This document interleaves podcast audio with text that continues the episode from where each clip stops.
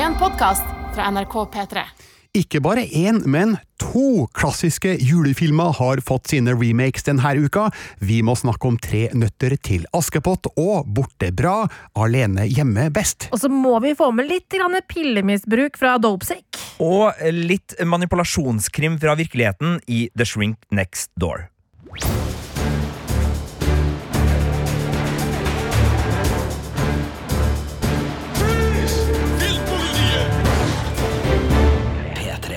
I studio Birger Vestmo. Marte Hedenstad. Og Sigurd Vik. Og vi må altså starte med å snakke om julefilm, og det byr oss egentlig litt imot, Marte. Ja, fordi regelen er jo at man kan ikke eh, se, høre, spise eller drikke noe som helst julerelatert før enten 1. desember eller første søndag i advent. Det er din regel, Marte Hedenstad. Det er Ja, en det veldig er den streng regel som du regelen. Det er din regel. Men det har kommet meg for øre at ja, Birger har sett to julefilmer av jobb, Ja. men du har brutt regelen på privaten og allerede sett julefilm. Fersk sådan fra Netflix, stemmer ikke? Eh, eh, altså, nå syns jeg du er litt streng. Altså, jeg visste ikke at Love Hard var en julefilm før jeg var sånn 20 minutter inn i den romantiske komedien som jeg hadde tenkt å se og kose meg med. Eh, men det var altså en julefilm. Men da Eh, er spørsmålet, Marte, hvorfor slo du ikke av for å vente med resten til 1. desember? Godt spørsmål. Ja, og det og på ekte, jeg vurderte å skru av. Men da var jeg allerede investert i denne historien. Og, og for de som liker litt sånn teite romantiske Mm. komedier med sjarmerende rollefigurer, så er det en anbefaling. Men ikke gjør som meg, da. Vent til eh, 1. desember. Men syns du sjøl du fortjener en slags straff nå for å ha brutt uh, dine egne juleregler? Eller skal vi eventuelt be lytterne om forslag til hvordan Marte bør påminne sitt eget julereglement? Oh, oh Eller skal vi bare i juleånden si at det er greit, eh, du slipper unna med en advarsel? Hva sier du, Birger? Skal vi si kaffehenting til oss på kontoret resten av året? Oi, oi, oi, der har vi det på G, Sigurd. Men jeg har altså sett to julefilmer denne uka eh, på jobb, som du var så snill å si, Sigurd. Under tvang. Under tvang, ja. Og det, ja, det byr meg jo litt imot, da. Men jeg forstår jo at um, filmprodusentene vil ha ut filmene i god tid før jul, sånn at de kan tjene mest mulig penger. Det er jo sånn det her fungerer, og vi vet jo fra før at publikum er veldig mottakelig for eh, julefilm allerede i midten av november. Derfor kommer det to stykker nå, og vi må starte med Tre nøtter til Askepott. Askepott! Askepott! Har du vært ute? Har ikke jeg sagt at du skal holde deg her? Ikke svar meg. Bortskjemt. Det er faren din sin skyld. Jeg skulle aldri latt ham holde på sånn. Ikke skyt dyr du ikke kan spise! Hvem sier det? Er det din sko, kanskje? Det er i hvert fall ikke din. Du er ganske frekk. Tre nøtter til Askepott er altså en norsk nyinnspilling av den tsjekkoslovakiske filmen vi ser på NRK1 hver julaften. Er det klokka 11 den starter? Helt riktig. Ja, som også da heter Tre nøtter til Askepott fra 1973. Og jeg må si at den originale filmen, den har jeg et litt sånn broget forhold til, fordi TV-en står alltid på på julaften, men jeg har aldri tida til å sitte der og se på film i en og en halv til to timer. Og det der er veldig gøy, fordi at jeg ser jo alltid eh, Tre til Askepott klokka 11. Da, det er da julefrokosten, som er en liksom omfattende, stor, deilig frokost, skjer mens vi sitter og ser på TV. Og det er ekstremt viktig. Men det som er interessant, er at i år så skal jeg arrangere jul hos meg selv for første gang. Med julemiddag og full pakke. Så det slo meg nå. Det kan bli veldig spennende å se. Tenk om jeg ikke får tid til tre Du, nøtter til du kommer ikke til å ha tida til å sitte og se Tre nøtter til Askepott, eh, Marte, fordi ingen er jo helt ferdig med alle juleforberedelsene før julaften. Oi, gudland, nei. Ok, Nå skjønner jeg jeg må legge meg og begynne å planlegge. Nå må jeg begynne å planlegge. Men jeg har som sagt alltid hatt Tre nøtter til Askepott stående på TV-en, mens jeg har springet rundt og gjort andre ting. Så jeg ser liksom et bruddstykke der, et bruddstykke der, og opp gjennom åra så har jeg helt sikkert sett hele filmen, totalt. Bare litt sånn i rykk og napp. Og så har du hørt liksom sånn og Knut Risan sin stemme sånn Askepott! Litt sånn Leksene! Leksene! Ja, selvfølgelig. Det er en sånn ingrediens som må med. Altså, filmen må være der i bakgrunnen, spesielt da med stemmen til Knut Risan. Den må være med, hvis ikke så blir det ikke jul! Og ja, det er sånn jeg har eh, møtt den nye filmen eh, med, da, med den ballasten. Enn eh, du, Sigurd, åssen forhold har du til den tsjekkoslovakiske filmen? Jeg har sett den mange ganger, og det hender seg at jeg blir sittende og se hele også julaften nå, men det er, det er min søster som ser den, sånn, som, som sørger for at den blir satt på, og som sitter med litt julesnop og, og kjører gjennom hele. Og så rusler jeg den opp, da, og, og har jeg lyst, så blir jeg sittende og se hele, men det, det, det er mange år hvor det blir eh, pause, ja. Det, jeg er nok mer glad i, i tegnefilmtradisjonen, sjøl om den òg har, eh, har jeg svikta litt, men Disneys jul er mer viktig på julaften eh, enn for meg. Men jeg syns det er fascinerende at en film som for flere av oss er litt, sånn, er litt bakgrunnsfilm, sjøl om du sier at du ser den, så spiser du jo et måltid mens du Jo, ser den. Så, vi ja, ja. spiser jo til alt vi ser. vi altså. gjør det, vi gjør det. Birger gjør ikke det, men vi gjør det. Men, men, men den har jo blitt en sånn institusjon, og selv om man nesten ikke er filminteressert, så, så blir den en del av tradisjon og sånn, og da er det jo interessant da at det danner grunnlaget for en slags, øh, ja, vi kan kalle det nyinnspilling, kan ikke vi det, som, som på kino virkelig sørger for at øh, det er ikke noe bakgrunnsfilm det her, det er virkelig en, en øh, norsk juleattraksjon. En skikkelig storslagen publikumssuksess tror jeg de har prøvd å få det til å bli, og det tror jeg virkelig det kommer til å bli òg. For eh, mens den tsjekkoslovakiske filmen den er, den er søt, den er, den er underholdende, men den er liten og enkel og, og smal. I hvert fall i sammenligning med den eh, store Cinemascope-produksjonen du nå kan gå på kino og se. Det står på eh, jeg husker ikke om det er forteksten eller på rulleteksten at ja, den er basert på den tsjekkoslovakiske filmen, så det er den samme historien du får fortalt her, men de har også gjort en del forandringer da, for å kanskje tilpasse den litt mer sånn norsk eventyr tradisjon. Eh, Sjøl om eh, det er ikke de store forandringene som er gjort her, så er det i hvert fall nok til at jeg syns at eh, ja, det er på sin plass å si at eh, den har sin berettiga eksistens. Det syns jeg absolutt. Astrid Smeplass, kjent som popstjerna Astrid S, spiller da hovedrollen, og alle kjenner jo Askepott-historien, men vi kan jo likevel ta en liten eh, oppsummering her om eh, hva som er handlinga. Det er da slik at hun bor jo hos sin slemme stemor, eh, som spilles av Ellen Dorrit Petersen. Stemora hun vil veldig gjerne at sin egen datter, som spilles av Ingrid Giæver, skal inviteres på Slottsballet, for der skal selvfølgelig prinsen, her spilt av Djengis Al, velge sin brud. Det er i hvert fall planen til faren hans, kongen, spilt av Torbjørn Harr, men så er kanskje ikke prinsen så innmari gira på akkurat det opplegget der, så han drar heller ut på jakt i skogen, sammen med sine to kamerater.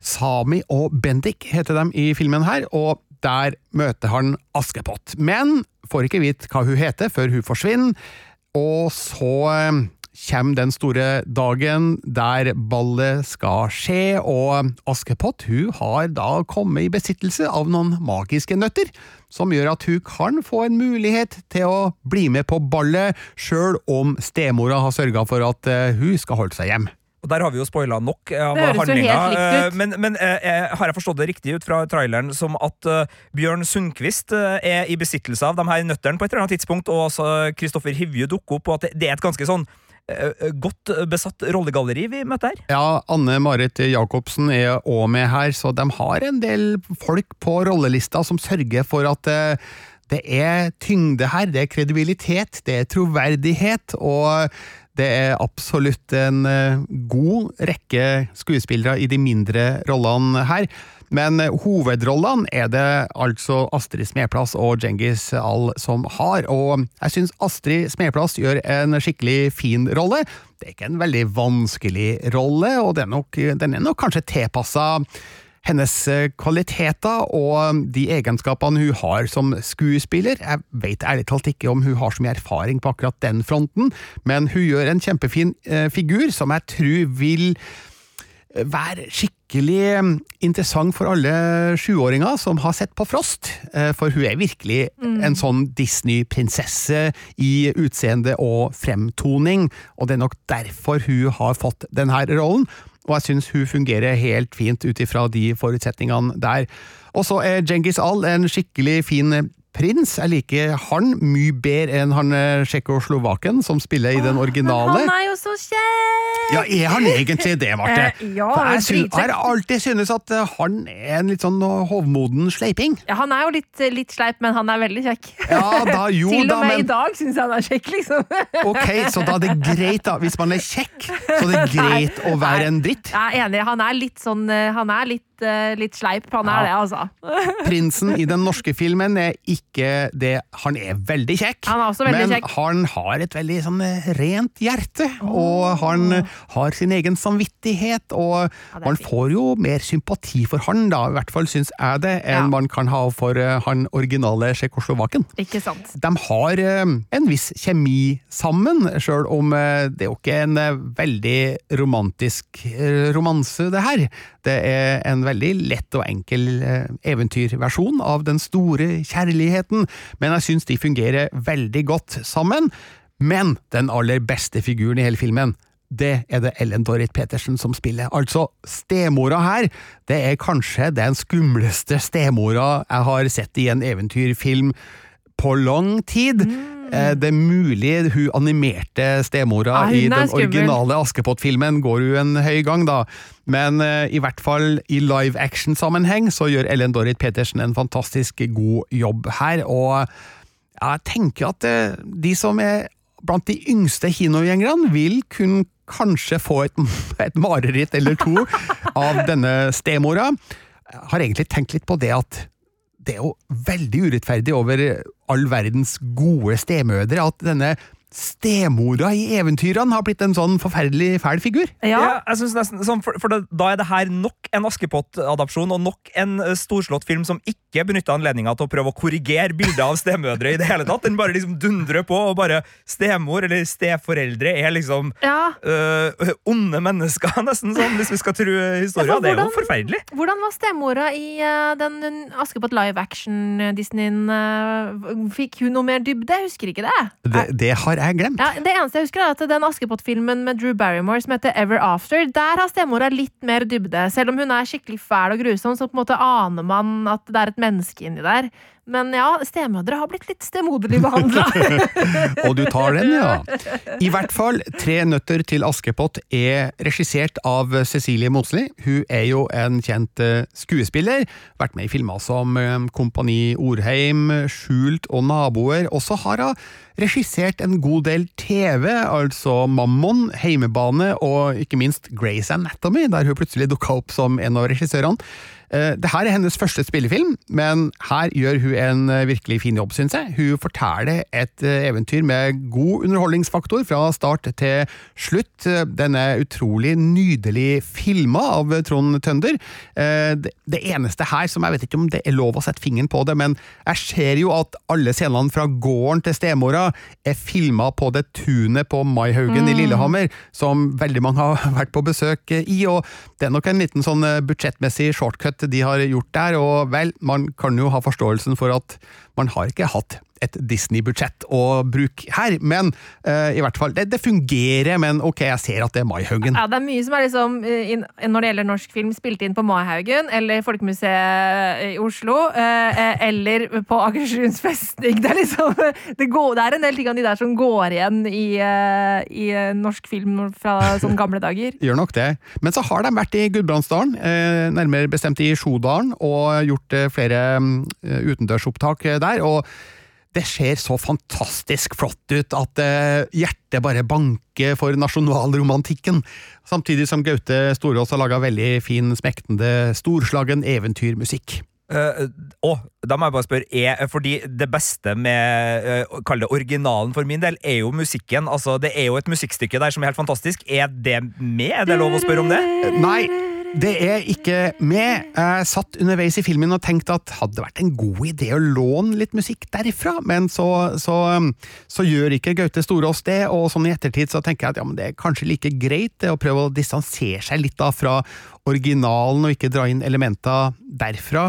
Så ja, eh, men jeg vet ikke. Kanskje hadde det vært morsomt, men uh, muligens hadde kanskje jobba litt imot filmen å bli påminna om eh, originalen. Ja. Uh, For ne- det her skal vi snakke om uh, på den neste filmen vi skal snakke om. Ja, Ja, for det, ok. vi, vi er i nyinnspillings-julelandskap her. Men eh, et lite spørsmål til. Eh, Eksteriørscenene tydeligvis da veldig flotte. Men Slottet er jo en vesentlig bit når det gjelder slottsball. Altså, Hvordan eh, ser det ut, nå som vi har liksom sett The Crown og fått Bridgerton på Netflix? Altså, Det er jo ikke bare bare å lage stas. eh, Vi har jo forventninger. Hvordan er, hvordan er innendørsscenene spesielt, og, og da når det er ball, Birger? Mine forventninger de ble innfridd. Det er stort og det er spektakulært. Det er gjort en fantastisk jobb med scenografi og kostymer her.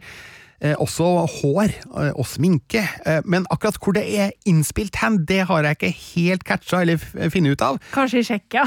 Ja, sånn jeg, vet, jeg vet de har vært i Litauen og spilt inn ting der, så kanskje er det et litauisk slott de har vært på, eller kanskje er det filmstudiokulisser. Jeg vet ikke. Men det, det, det, er nok der pengene har gått, ikke um, gårdsscenene til stemora. Jeg må spørre om en ting, fordi en av de greiene som jeg syns er mest artig med den originale, da, er jo nettopp det at eh, den versjonen av Askepott ikke er en Disney-Askepott. Eh, ja, hun er jo pen, og det er fine klær og alt mulig sånn der, men hun er på en måte egentlig litt sånn rampete og frekk og eh, veldig tøff og sånn. Altså, hvordan er Astrid S sin versjon?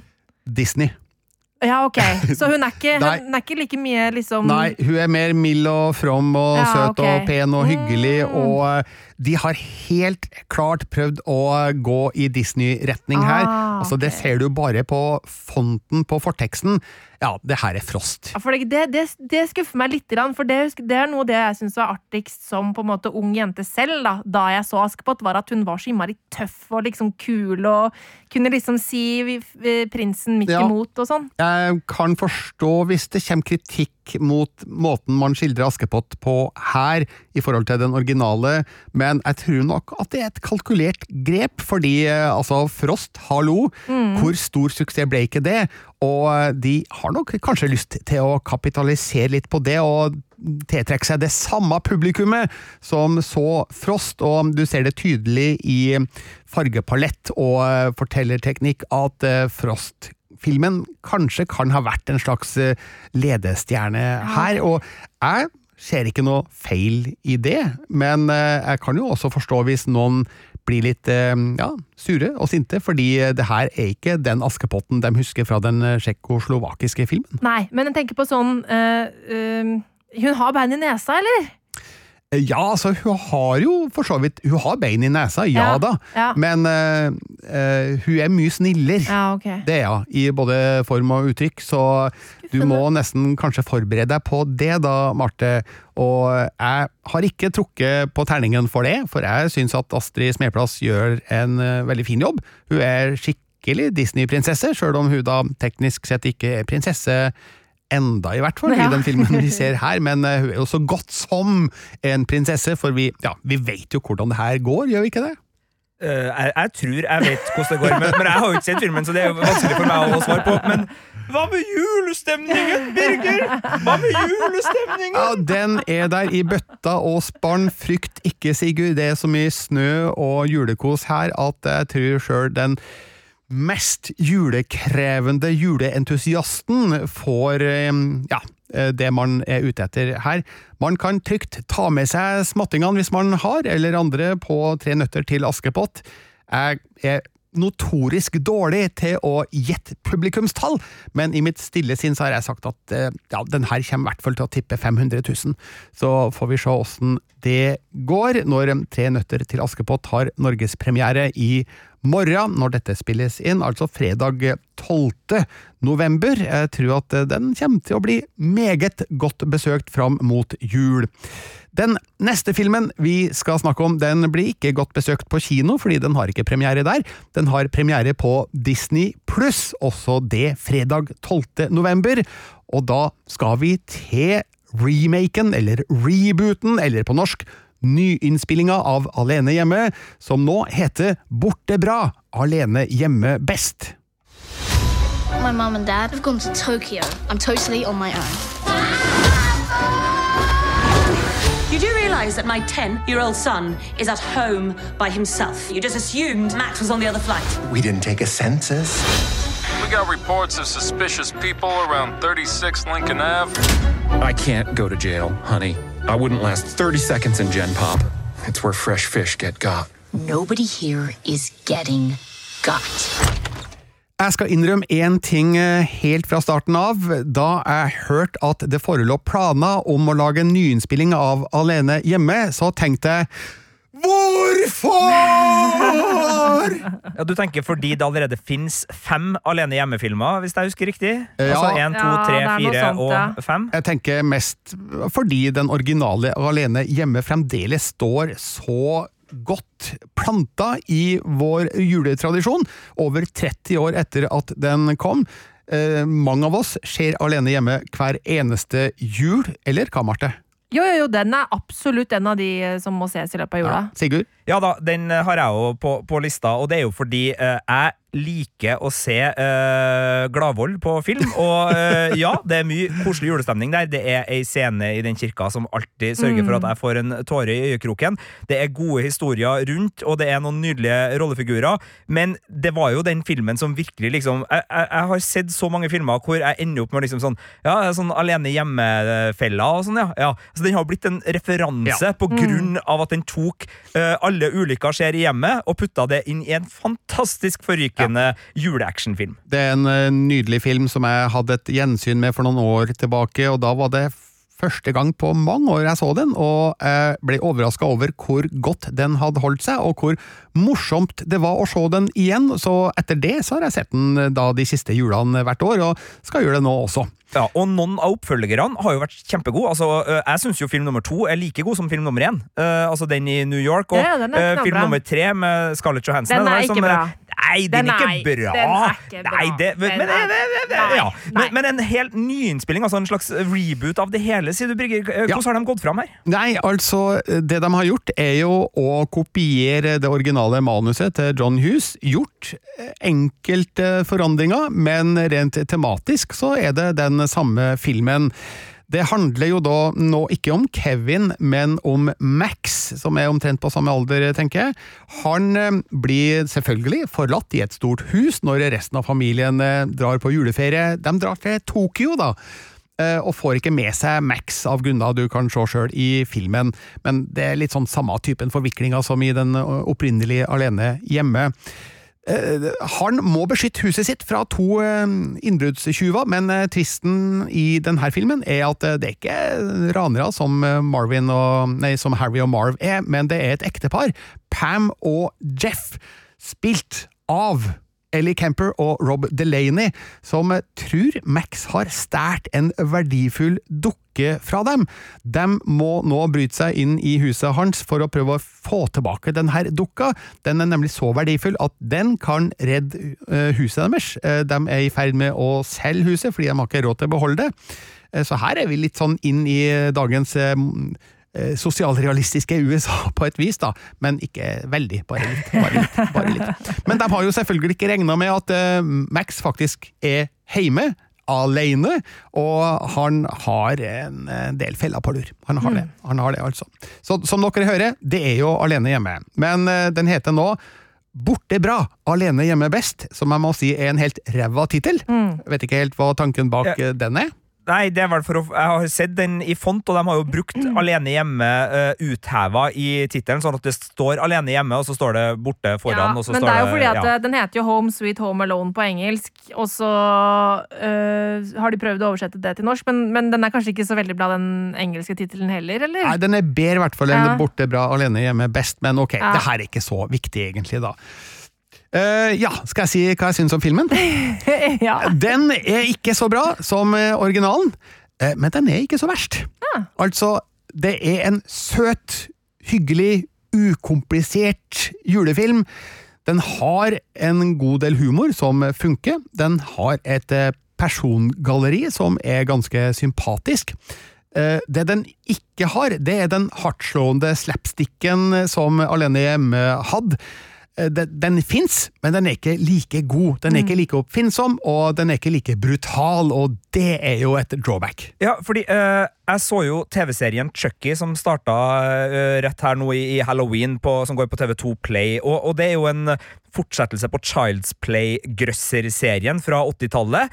Og i denne serieversjonen så låner de veldig mye fra Alene hjemme ved å la Chucky uh, drepe i uh, fellevarianter og, og litt sånn der Ops, du ramla over oppvaskmaskina som hadde knivene opp. eh, type. Så, så der var jo liksom den der type ulykker og, og feller dratt enda mer blodig og inn i grøsselandskap. og det sier jo litt om hvor på en måte viktig den originale Alene hjemme-filmen har vært i, i påvirkningskraft, og at den fremdeles liksom Mm. uh, har sånne elementer som er veldig artige å leke seg med for film- og serieskapere. Men jeg blir jo umiddelbart mindre interessert hvis, du, hvis jeg da skal gå fra Chucky, som virkelig liksom gjør det saftig med, med felleopplegget, til en, en snillere Alene hjemme-versjon. Ja, ikke sant? Det stusser jeg òg over, at de ikke har prøvd å uppe antien her. Jeg vet ikke om det gir mening til folk, men eh, altså Øk risikoen, da!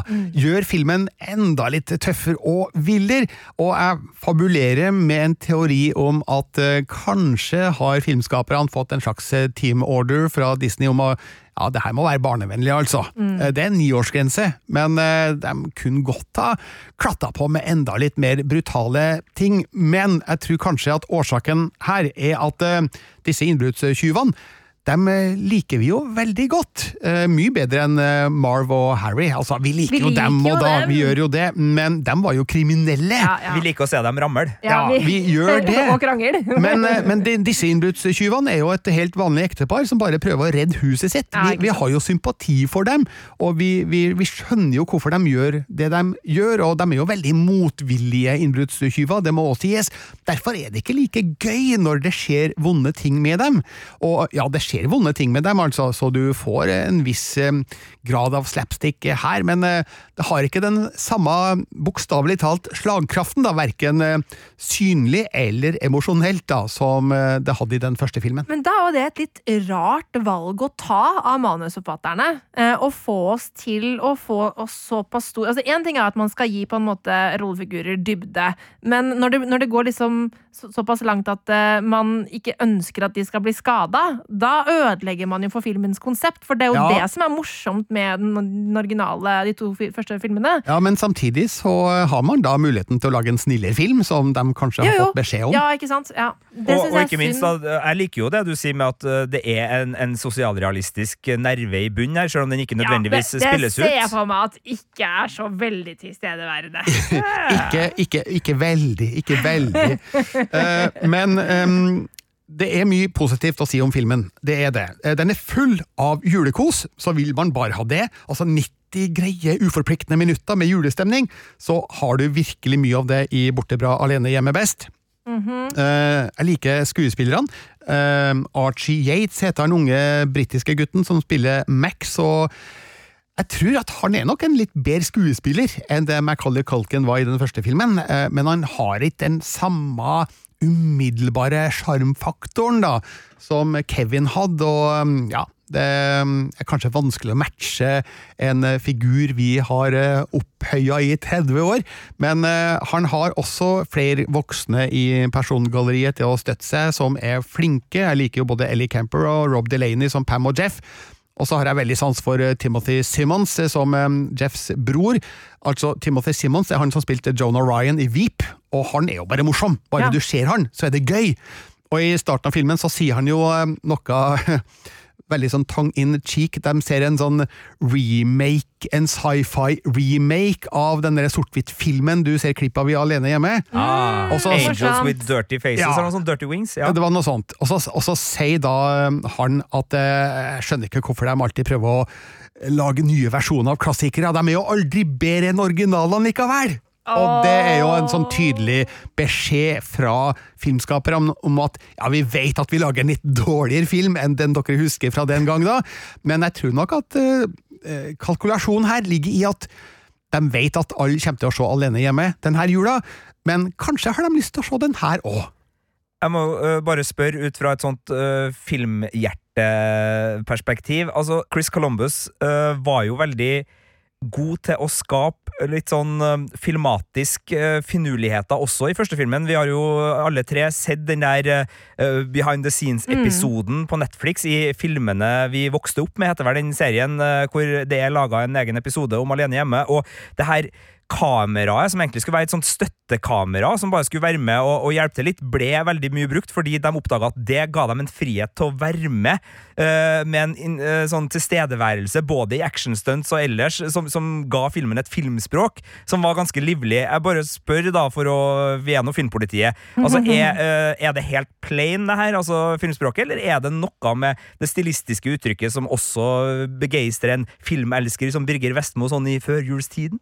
Nei, ikke i samme grad som Alene hjemme, det tror jeg ikke vi kan si. Nå har jeg ikke tenkt så veldig mye over akkurat denne problemstillinga, men jeg tror nok at uh, filmen den er, altså, den er godt skrudd sammen. Uh, den er fint fotografert, og uh, den er fint lydlagt og dekorert, og alt er liksom på stell her, men det, det fremstår som en litt mer enkel variant da, av den store kinofilmen, og det kan jo ha sitt å gjøre med at den skal gå rett på strømming og fungere på en TV-skjerm i stua, og dermed så har man ikke følt behovet for å gå virkelig cinematisk til verks her, med store, dyre setups og, og, og scener som krever en god del større budsjetter enn det de har hatt.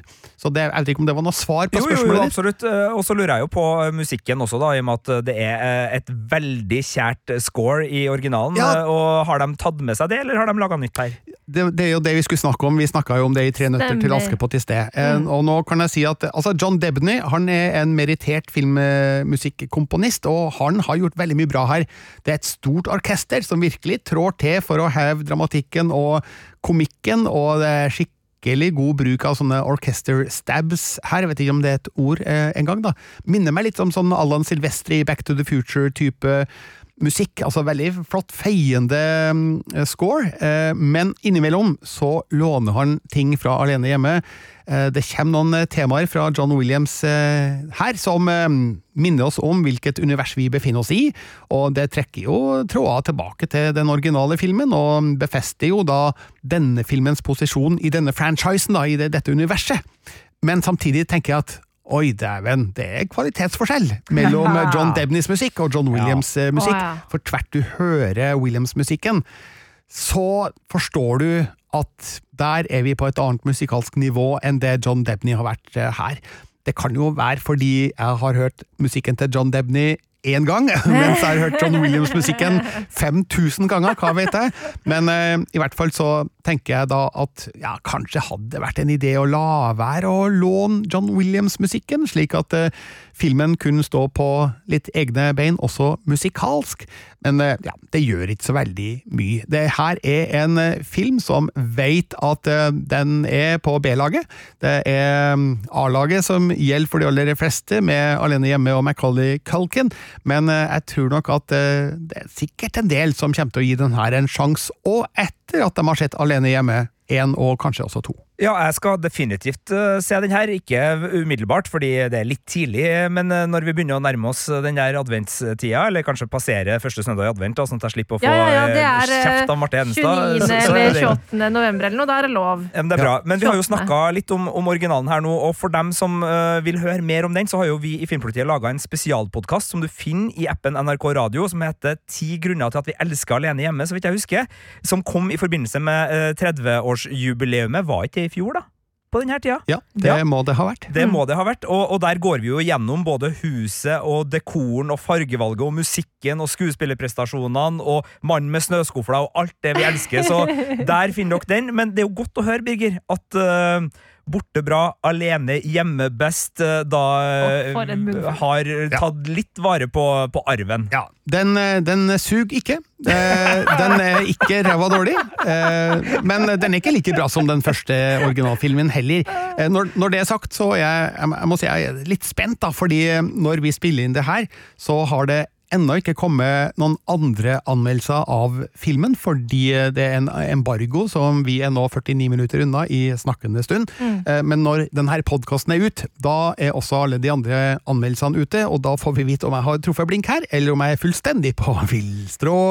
Men i hvert fall så har jeg gode følelser for eh, Borte bra alene hjemme best, sjøl om, eh, som jeg skriver i anmeldelsen din, da, i anmeldelsen min. Hvis man må velge mellom Alene hjemme eller Borte bra alene hjemme best, du kan bare velge én, så blir det jo Alene hjemme. Ti av ti tilfeller, selvfølgelig blir det det. Hva er det som er terningen du lander på? En snill firer. Å ja, det, det, er det, det er en snill firer, ja. Ja, ja, men det er fire, fire minus-ish Okay. der omkring. Ja. Gjorde meg absolutt ingenting å se filmen, så kos deg, Marte. Ja, men jeg men ikke før 1. desember. Nei, veldig viktig. Eller første søndag i advent, da. Ja. Det går også an. Disney Pluss er altså strømmetjenesten som har Bortebra alene hjemme best. Da skal vi til en eh, serie som også er på en strømmetjeneste, Marte. Ja, og vi skal holde oss på Disney Pluss, for vi skal nemlig til Coal Country i Dopesick. I know most people don't think about us up there in the mountains. Many of my patients are miners. It's dangerous work, and they carry the burden of building this nation on their backs. They're a pain.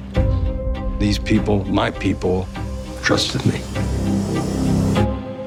I can't believe how many of them are dead now. Vet du hva jeg tenker når jeg hører det her, Marte? I'm Batman. Ja. Eh, altså julefilmversjonen, altså Batman Returns, eller eh, første? Nei, første, for det er der Ja. han sier I'm Batman. Det er Altså, det. Michael Michael Keaton.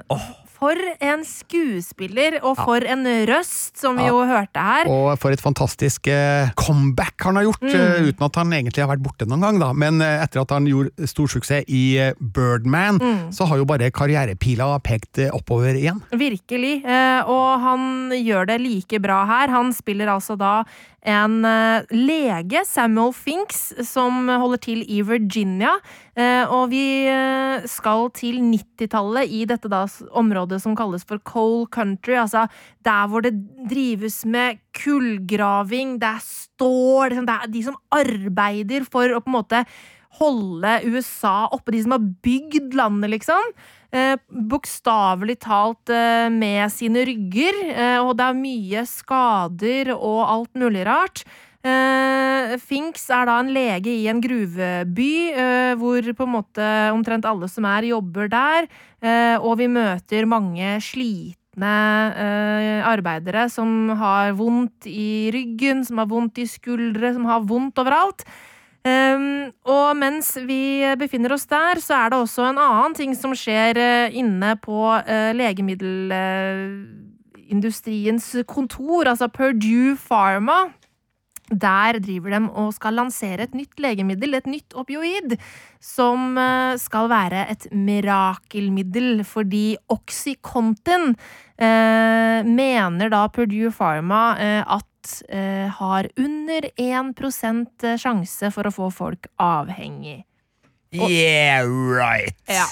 Fordi dette her er jo, altså I dag så er jo Oxycontin et veldig kjent eh, legemiddel, og det er kjent Og dop. Eh, og dop, ja. Fordi det er jo da kjent som eh, det legemiddelet som etter at det ble introdusert på markedet på 90-tallet, fort fant veien til gata, fort fant veien til eh, illegal eh, narkohandel, liksom, og endte opp med at en vanvittig pandemi av avhengighet i USA, eh, hvor folk har fått livene sine ødelagt, eh, mista foreldrene sine, havna på barnehjem pga. foreldre er blitt eh, rusmisbrukere, og folk har dødd som fluer. Eh, og det er dette landskapet vi skal inn i.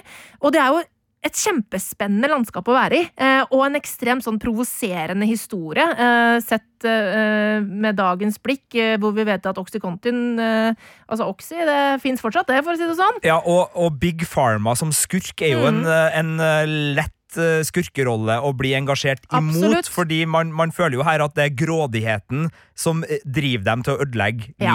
Det er jo det. Og der eh, Fordi jeg kan jo bare si med en gang at jeg har sett tre episoder av, eh, av eh, denne serien, eh, og jeg digger det. Eh, der hvor den kanskje er på sitt svakeste, er kanskje på innsiden av eh, Purdue Pharma og innsiden av disse møterommene. Fordi eh, vi møter da eh, Sackler-familien. Fordi altså, Purdue Pharma er et familieselskap, eller var i hvert fall det da. Og Richard Sackler, han er, en, han er liksom han fyren som har da brukt liksom 40 millioner dollar på å utvikle dette legemiddelet, og resten av familien er kritiske liksom, til at han har brukt så masse penger. De vurderer å bare droppe hele greia, men han kjører på. Og det er da eh, Michael Stuhlbarg som spiller den rollen. Det er han som Eh, spilte mafiafyr i Your Honor. Han spiller professoren i Call Me By Your Name. Han er en veldig dyktig skuespiller med et veldig sånn uttrykksfullt fjes, men han er en superskurk eh, i denne serien her. Han er veldig tilskrudd. Han, er, han fremstiller Sånn båndskurk, liksom? Eller Ja, ja, eller en liksom sånn evil Altså persona? En Marvel-villain, liksom. Altså, sånn, han, han er så tilskrudd at han blir en sånn type skurk. Eh, virker som han er litt sånn han, veldig sånn narsissistisk, nesten sånn psykopataktig fyr, som bare tenker på at han, på en måte, hans stjerne skal skinne høyest. Jeg vet ikke egentlig om det er pengene engang han tenker mest på. Han tenker mest på sitt eget ettermæle, liksom. Så den er veldig tilskrudd. Men han blir jo veldig lett å hate, selvfølgelig. Eh, men der hvor den kanskje er best, eh, er både i det etterforskningsarbeidet som blir gjort, og i de skjebnene vi møter i Virginia. Fordi eh, det er jo sånn at eh, Rosaria Dawson spiller en DEA-agent som eh, på et sånt kokainraid finner disse pillene. Eh, På gata, ikke sant? Og begynner å lure på hva er dette her, og begynner å etterforske i dette. Eh, Og så har vi da to statsadvokater, eh, spilt av Peter Sargard og John Hugenacker. Sarsgaard. Sars- Sarsgaard. Sarsgaard, er vanskelig å uttale. Peter Sarsgaard. Sarsgaard med to a-er. Veldig rart navn. Ja, anyways, de spiller to statsadvokater som, som ser en sammenheng mellom mye av kriminaliteten som har skjedd i Virginia den siste tiden, eh, har på en måte eh, også Oxy eh, i seg. Sånn at de begynner å etterforske. Så der er det en veldig sånn spennende oppnøsting og graving i legemiddelindustrien som pågår, som er veldig interessant å følge. Eh, og så har vi da eh, Kathleen Dever, som er en pasient hos Michael Keaton sin rollefigur. Betsy, hun er en eh, lesbisk gruvearbeider som både må slite med sine foreldres snevre livssyn, og at hun får en ryggskade. Så det er liksom henne vi følger inn i avhengigheten her. Og det er veldig gripende greier. Eh, eh, Hvordan skildres avhengigheten her? Og nå må jeg bare spørre, for at jeg aner ikke hva Oxy gjør for noe. Nei, ikke sant? Det, som er, det er jo et opioid. Eh, og det som var greia, da, som eh, Purdue Pharma eh, sa at dette skulle gjøre, var at i Oxy så på en måte eh, løses, eller så utskilles eh, på en måte opioidet over tid. Sånn at det, det kommer ikke alt på en gang. Så du skal ikke få en sånn slags eh, ruseffekt, fordi det skilles ut over tid. Og det betyr at du kan ta én pille på tolv timer, og, så, og, der, og uten å ta mer.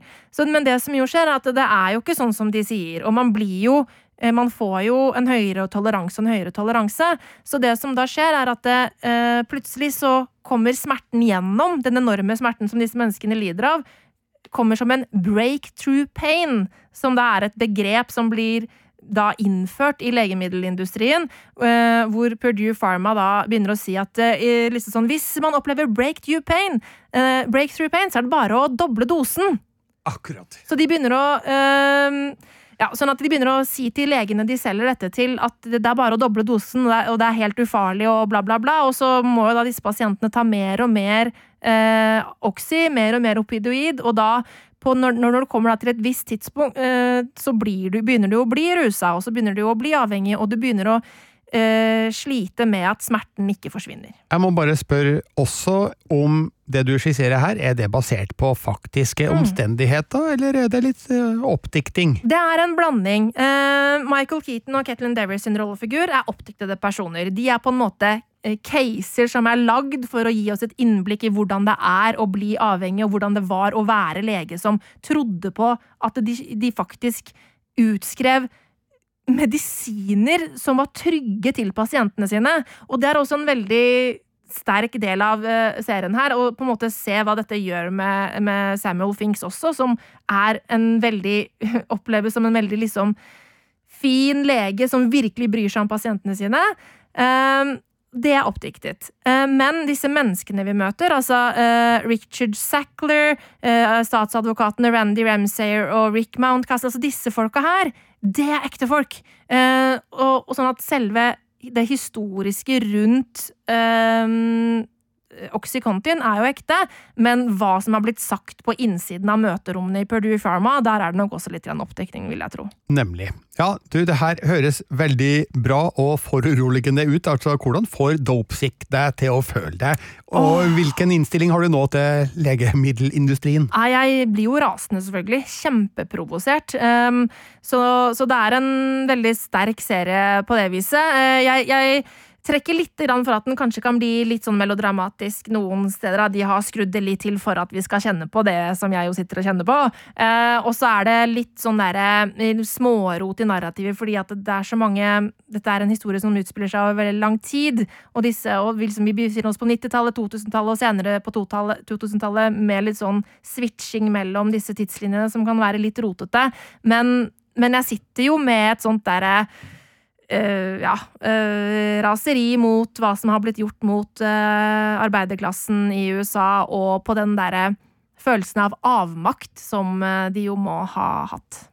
Det her høres ut som en serie man må få med seg. Hvilken terning gir du Dopesick? Det er terningkast fem til de tre første episodene, og det er da en miniserie som kommer på Disney pluss fra og med i morgen, altså fredag 12. november. Vi skal vel for så vidt holde oss til et uh, litt sånn relatert univers, fordi altså, det, er ikke, det er ikke lege- eller legemiddelindustri, men uh, psykiatri, Sigurd? Ja, og basert på virkelige hendelser. Uh, det er nemlig sånn at den 12. november på Apple TV Pluss så er det premiere på The Shrink Next Door.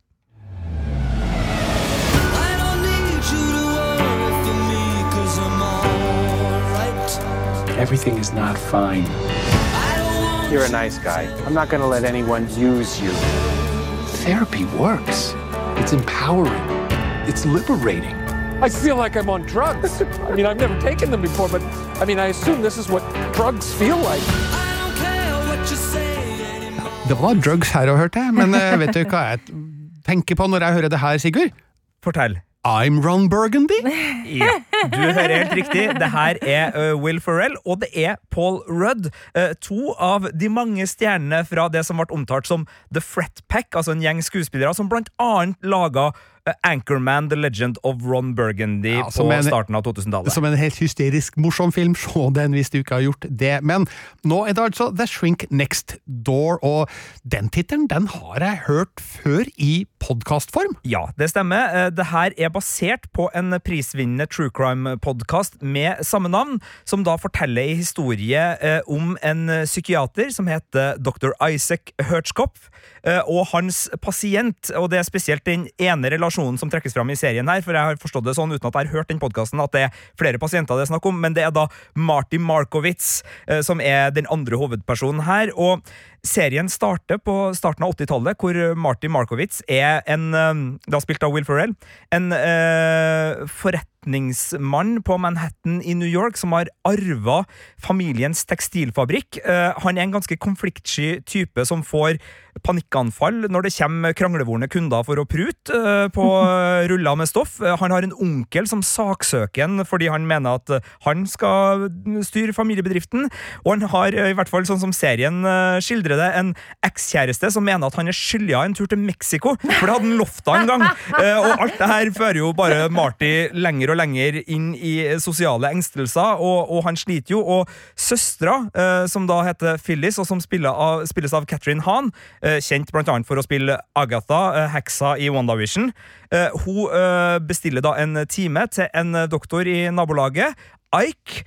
Eh, og det er starten på ei ellevill historie om svindel, sosial kontroll, manipulasjon og alt som er ganske trasig. Og sånn som i dopsikt så handler det jo om at man har eh, behov for hjelp, og man søker hjelp, og eh, så viser det seg at den hjelpa som ser ut til å være akkurat det man trenger, er for god til å være sann, fordi det som skjer, er jo at Marty bytter ut alle sine bøller med ei større bølle, som i tillegg da over en 30-årsperiode tar over 3 millioner dollar fra han og Oi. styrer livet hans totalt og isolerer han fra alle sine nærmeste. Så sorry for litt spoiling her, men, men det er historier fra virkeligheten, og det hører jo også med at han var veldig glad i kjendiser, han doktoren her, så han har liksom, i virkeligheten har jeg forstått bilder av liksom sånn Gwyneth Paltrow og andre kjendiser som han liksom tok, eh, sånn som serien skildrer det, litt sånn der, nesten sånn random, altså at hvis du bare møter noen på flyplassen, så sånn, Can I take a picture? I take a picture? Oh, ja, Og så har okay. du, men så, så det er litt sånn her stakkarslig kjendisbehov og markeringsbehov og Mm. massevis av komplekser også da,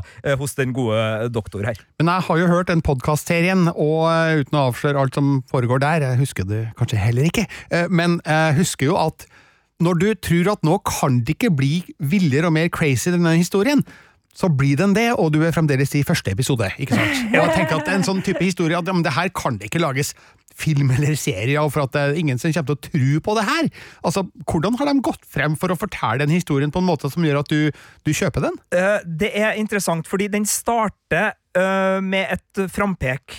Uh, det er det første som skjer, og så, så spoles det tilbake. Og der en podkast har den der evnen til å liksom eskalere, og liksom for hver episode så blir det mer og mer crazy, og du liksom henger med i den, det er liksom en av true crime-podkastens styrker, så gjør ikke serien det. Litt fordi at den har nok eh, ulempen av å være uh, produktet som kommer etterpå. Altså, sånn, veldig mange, sånn som deg, da, Birger, vil kjente historier. Det har vært masse avisoppslag. Så når jeg nå sa altså, at han svindler for over 3 millioner over en 30-årsperiode, så er det en ganske etablert sannhet som har stått i veldig mange aviser, og som, Mm. som veldig mange kjenner til. Og den prøver heller ikke da å legge på en måte skjul på at resultatet her ender i en ganske sånn uh, langt fram i tid og i en liten katastrofe. Så, så den starter med det, og så spoler den raskt tilbake. Eh, den starter jo uh, med å liksom gradvis fortelle, for det er jo attraksjoner her i galskapen og de elleville som skjer, og, og den er i tillegg liksom opptatt av å vise hvordan det kan skje. Altså, hvordan kan en øh, tillitsperson manipulere en person, vende den personen mot familien, ta kontroll sosialt over den personen, og etter hvert også begynne å liksom få den personen til å distansere seg, og etter hvert også liksom skrive om øh, øh, øh, Hva heter det? Du skriver testament. Ja, Skrive om åh. testament osv. Og, så videre, sant? og, og man aner jo at det her er noe han gjør med flere av sine pasienter. Mm. At det her er en taktikk da, fra, den, fra den gode legen. Og, og jeg syns det er så fascinerende, fordi når en sånn her serie velger Will Ferrell og Paul Rudd i hovedrollene, så går de jo for å bruke skuespillere som er kjent for veldig sånn typete typer, karikerte folk, eh, litt sånn naive, dumme trekk som er liksom forsterka, og ikke minst veldig sånn memevennlige typer. Altså, alle de memesa du får opp hvis du uh, går gjennom en sånn generator som har Paul Rudd eller Will Ferrell i seg, det- er mange. Men er det tullehumor, eller har serien hjerte og nerve i tillegg? Det er det som er fascinerende, for den starter ganske sånn i Anchorman-aktig landskap, med at Will Ferrell spiller uh, Marty med en veldig sånn der naiv sitt, Han er jo en stor unge, Will Ferrell, veldig mange filmene sine, og det er han litt her. Og Marty er en stor unge som er liksom litt sånn sosialt utilpass, og sånn, mens Ike han er en sånn 80s guy. Skikkelig jappedude med moteklær som han er veldig opptatt av, og bare alt svinger rundt han. Can do! Yeah! Og der starter det, og det kunne ha vært en hvilken som helst Will Ferrell, Paul Rudd-film. Men i stedet for å liksom eskalere den sorte humoren og øh, det litt sånn satiriske og, og den biten, så etter hvert så vokser liksom serien seg mer inn i en sånn her personlig tragedie med et vemod, og det er veldig sånn fokusert på karakterene. Og heldigvis har jo Paul Rudd og Will Ferrell, og, og spesielt Catherine Hahn, som kanskje er den beste av bunchen her, gode nok skuespillere til å takle de skiftene. Men serien får ikke helt til de skiftene til å svinge, for da blir serien litt mild. Altså Utover i episodene, så Du vet jo sånn cirka hva som skal skje. Så når serien da blir liksom mer opptatt av å se litt på hvordan Will Ferrell sin rollefigur har det oppi det hele, så blir det Det er vel åtte episoder. Det blir litt sånn repeterende og litt sånn satt, da. Etter hvert som episodene griper fram. Så må det sies at jeg så det her i én porsjon. På én dag. Og åtte eh, episoder på én dag er, er mye, og det her er nok ikke en serie som skal binges. Den vil heller ikke bli gitt ut sånn. Det slippes tre episoder først på Apple TV Pluss nå den eh, 12. november, og så kommer det ukentlige episoder. Og det er nok lurt, fordi du trenger den distansen. Eh, Så, så det er jo svaret på, på spørsmålet du, du kom litt tidligere. her, Birger. Det ble et langt svar, men, men det er i sjangerblandinga at serien er på sitt svakeste. Synes jeg. Eh, Den kunne ha trengt litt mer kubjelle, for å si det med en Will Ferrell-sketsj. Altså at den- Ja. altså, I hvert fall i og med at den starter der, og har valgt å ha Will Ferrell og Paul Rudd. Og manusforfatteren er fra Succession. Mm. Altså, de, de kunne ha uh, smeltet mer her. Uh, og de gjør det i starten, men så, så roer de det og, og tar det litt uh, nedpå. Og det blir aldri dårlig. Det er alltid velspilt, men det karikerte har ikke en så naturlig plass utover i serien. Det blir litt sånn fremmed, og, og den humoren som, som man får liksom med, de, med disse karikerte figurene, blir litt sånn uh, ok. Men hadde det vært bedre om de ikke gikk dit i utgangspunktet? Om, de, om det ikke var de der karikerte, tilskrudde, snappy greiene? Det, jeg, jeg sliter litt med ø, å vite om det er forventningene mine Ja. til Will Ferrell og Paul Rudd og Catherine Hahn ø, som, som kanskje forsterker det behovet mitt. Det kan hende at den egentlig gjør ganske riktige ting, men fordi jeg har liksom sett at Og den, den, den Jo, er altså, de omtalt som en ja, den- den er jo omtalt som Altså, sjangeren ø, denne serien har fått, er liksom sorthumoristisk. Det er ikke dramakrim eller krim fra virkeligheten. Eller det, det er sorthumoristisk. Og, og i og med at den starter ganske tilskrudd der, så, så, så blir det jo det man, man bruker som forventningsgrunnlag utover. Og den blir aldri dårlig, som sagt, og, og jeg liker den godt. Har gitt den terningkast øh, fire, og, og er glad jeg har sett den. Og den er veldig forseggjort. Altså, Billy Joel på soundtracket, øh, en Volvo du har lyst til å dra på sommerferie i Sverige med, og eh, forseggjorte vignetter som for hver episode liksom tematiserer hva som skal skje, ved litt sånn eh, lekre animasjoner. Altså, det, det er veldig mye fint her. Forråtnelsesprosesser. Det er mye sånn elegant formspråk, sånn som vi er vant med av liksom prestisjedramaserier. Men, men jeg sliter litt med at øh, den blir litt stiv rett og slett utover i, i formen, og, og selv om den ender opp i en finaleepisode som igjen får meg liksom begeistra for øh, historia, for det er jo en historie som er absolutt verdt å fortelle. Eh, Så, så hva, ja, jeg vil kanskje tro at podkastopplevelsen du hadde, Birger, var mer minneverdig og, og Skal vi bruke ordet vesentlig? eh, enn eh, det, det TV-serien ender opp med å bli, da. Ja, nemlig. Uh, The Shrink Next Door er altså skrevet, sa du, av en av manusforfatterne bak Succession. Ja. En, en liten fun fact der, jeg vet ikke Ja. om alle vet det, er at Will Ferrell er en av produsentene av Succession. Det er helt eh, riktig, og jeg skal eh, få fram hvem det er, for det er Georgia Pritchett, som da er Som også har skrevet på Veep, tror jeg. Eh, Akkurat. Men i hvert fall skrevet på Succession. eh, og, og også Avenue Nei, hva heter den? Avenue 5, var det? Den sci-fi-serien Ja, til. HBO. eh, Mm. ja. så, så dyktige folk i, i alle ledd her, altså. Virkelig. Credit, credit where credits do, heter det. Ja. Ja. Hvilken terning gir du The Shrink Next Det Door? ble en, en firer på han. Det var jo en av serier Begge, altså både Dopesick og The Shrink Next Door var jo serier vi hadde på topplista vår over seriene vi, vi gleder oss til i høst, så det her var jo en serie som kom med, med høye forventninger. Og da er man jo eh, ekstra kritisk, så, så en eh, streng firer på, på The Shrink Next Door. Takk, Sigurd. Og den anmeldelsen og alle de andre vi har snakka om i løpet av denne podkasten, kan du lese på p3.no filmpolitiet. Der finner du også anmeldelsen av den amerikanske skrekkfilmen The Boy Behind the Door, som jeg har gitt en streng treer. Den ser veldig fin ut, eller veldig gyselig ut, da.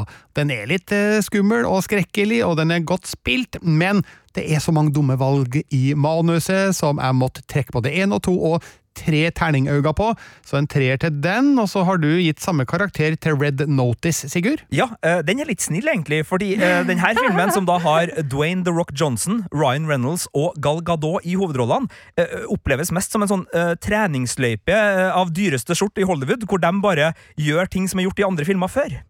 Eh, Så hvis du vil se eh, et potpurri av eh, greatest hits fra Hollywood framført av kjente fjes, så er Red Notice, som kommer på Netflix da 12. november, eh, en helt Nei, altså, det, det er helt greit underholdningsprodukt fra, fra Netflix, det her, men, men med de stjernene var det virkelig ikke noe som imponerte særlig, altså. P3.no skråstrek filmpolitiet er i hvert fall URL-en som du må taste inn for å lese alle våre anmeldelser om filmer og serier som er aktuelle akkurat nå. Send oss gjerne en e-post hvis du har et spørsmål eller en kommentar, eller bare sånn generelt ros. Ikke ris. Vil ikke ha ris, bare ros. Filmpolitiet alfakrøll nrk.no er den adressen. Og så sier vi takk for i dag, og vi i Filmpolitiet er Sigurd Vik. Marte Hedenstad. og Birger Vestmo. I'm Batman. Du har hørt en podkast fra NRK. Hør flere podkaster og din favorittkanal i appen NRK Radio.